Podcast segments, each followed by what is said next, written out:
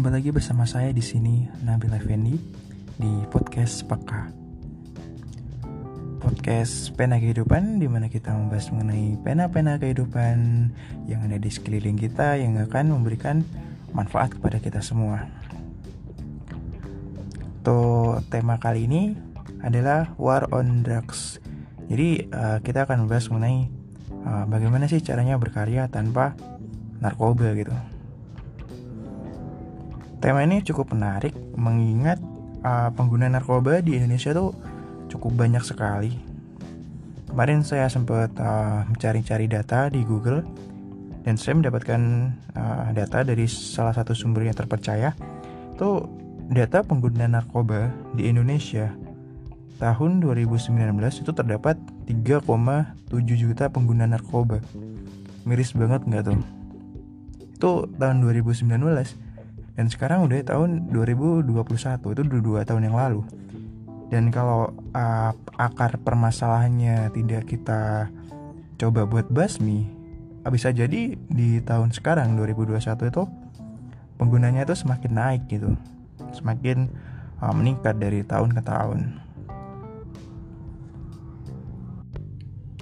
Sebenarnya banyak faktor ya yang melatar belakangi kenapa seseorang bisa menjadi pengguna narkoba. Faktornya ada beberapa. Dan di sini mungkin saya akan bahas satu faktor aja, yaitu depresi. Seseorang ketika mengalami depresi, ketika mengalami tekanan dalam jiwanya, itu terkadang dia tuh mencari sebuah solusi di mana keinginan dalam dirinya untuk keluar dari depresinya, untuk keluar dari kekangan yang mengekang jiwanya itu sangat kuat. Sehingga dia akan melakukan apa pun untuk uh, supaya dia itu bisa tenang, bisa melupakan apa yang terjadi pada dirinya. Seolah dia ingin lari dari kenyataan yang sedang dihadapi. Dan bagi mereka yang salah pergaulannya, salah uh, di pengetahuannya, pengetahuannya uh, belum terlalu banyak, dia akan mencoba yang namanya narkoba. Dan dia yang lari ke sana beranggapan bahwa dengan dia mengkonsumsi narkoba, dia akan bisa menyelesaikan masalahnya. Dia bisa lari dari kenyataan yang sedang dihadapi. Padahal dia tidak tahu di depan sana ketika dia sudah mengkonsumsi barang yang namanya narkoba, ia kecanduan di sana. Di depan sana terdapat sebuah permasalahan yang akan menambah beban hidupnya sendiri.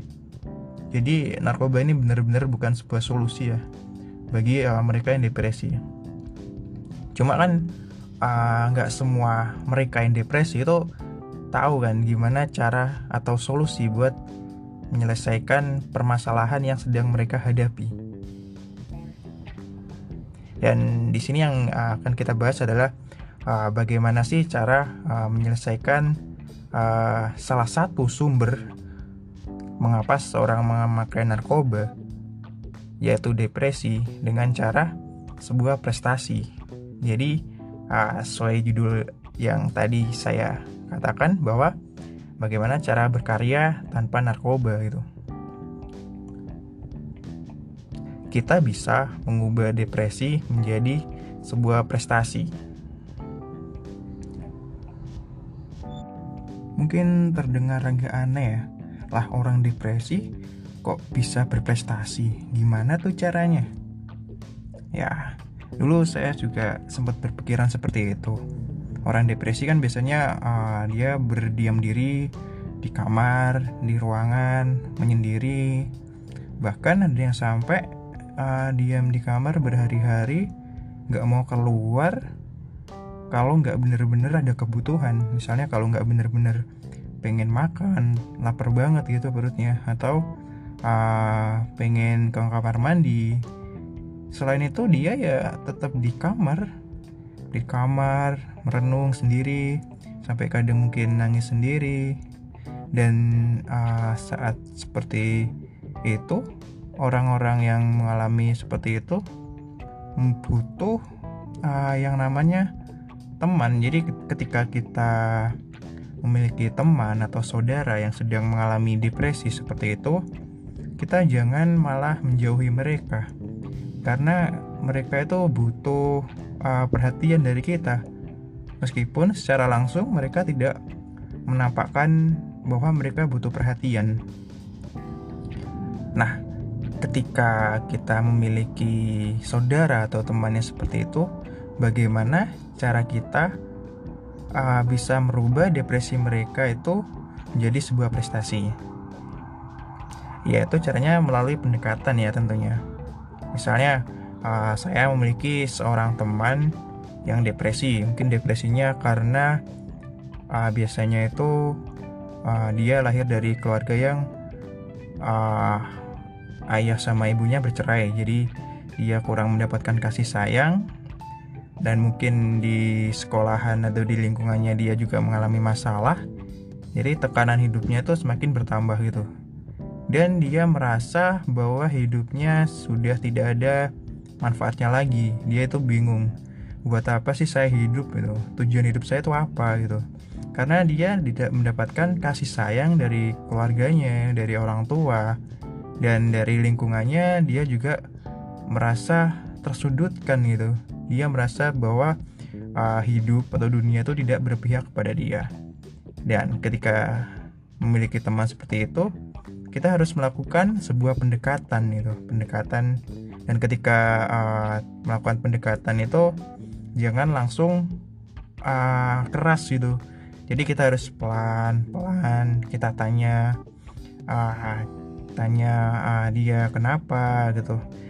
Dan ketika awal-awal mungkin dia masih tidak mau cerita itu dia mungkin masih uh, senang memendam permasalahannya sendiri gitu. Dan kita jangan memaksa. Kita oh ya udah gitu. Dari tapi besoknya kita coba dekatin lagi.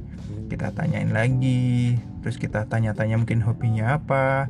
Terus kita ajak main. Kita ajak uh, berinteraksi dengan dunia luar. Sehingga tidak dia tidak uh, diem-diem terus gitu tidak di kamar mengurung diri karena uh, peran dari kita itu sangat uh, sangat penting buat uh, kebaikan dia ke depannya.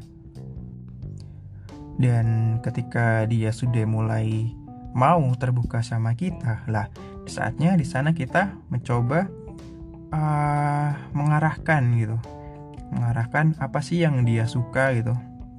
Misalnya dia suka nulis atau suka olahraga, suka fotografi.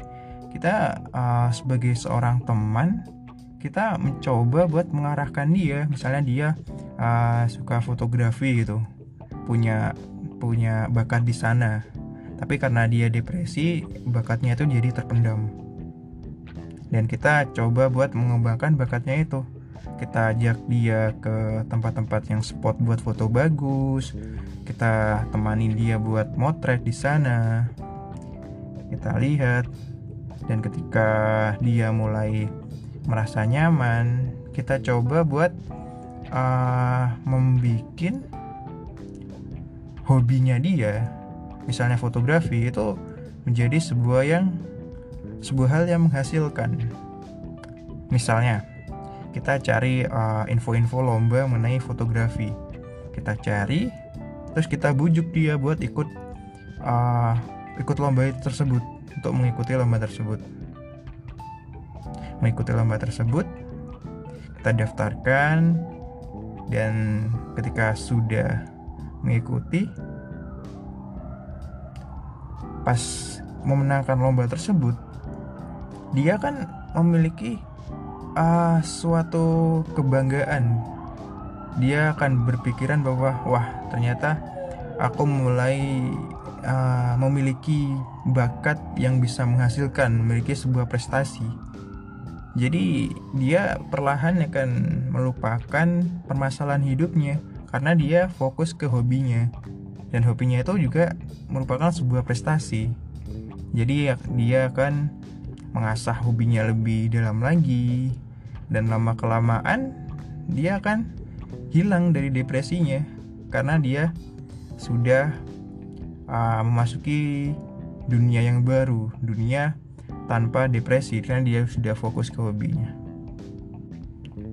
Nah, cara-cara seperti itulah yang uh, sederhana sebenarnya. Cuma kadang kita uh, apa ya mau melakukannya itu kayak kayak gimana gitu masih kayak ada sekat gitu kayak takut pas mau mengasih pendekatan ke teman kita yang nggak nami depresi itu kayak kita terlalu banyak mikir gitu mikirnya mungkin uh, aku ganggu privasinya dia nggak ya? Aku gini nggak ya? Padahal kan uh, kita nggak tahu bahwa sebenarnya dia itu sangat butuh perhatian dari kita selaku uh, temen temen dari dia gitu nah itu salah satu uh, contoh ya studi kasus uh, bagaimana sih cara merubah uh, orang depresi yang nantinya bisa lari ke narkoba. Lalu kita arahkan buat uh, lari ke hobi mereka yang nantinya bisa memberikan uh, sebuah prestasi atau sebuah karya. Jadi intinya kita melakukan pendekatan kepada mereka yang mengalami depresi kita ngasih perhatian-perhatian ke sana terus kita arahkan ke hobi-hobi mereka mereka fokus ke hobi mereka hingga akhirnya hobi mereka itu menjadi uh, sebuah karya dan nantinya akan membanggakan bagi mereka, terlebih bagi keluarga mereka dan bagi bangsa Indonesia sendiri.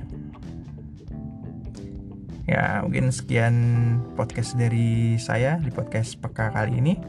Intinya kita sebagai generasi muda harus tetap semangat dan jangan pernah mencoba jangan pernah pengen tahu mengenai narkoba karena ketika kita sudah mencoba kita akan uh, terkekang di sana dan susah buat keluar jadi tetap semangat jangan lupa olahraga jaga kesehatan jaga protokol kesehatan dan semangat untuk kita semua untuk bebas dari narkoba.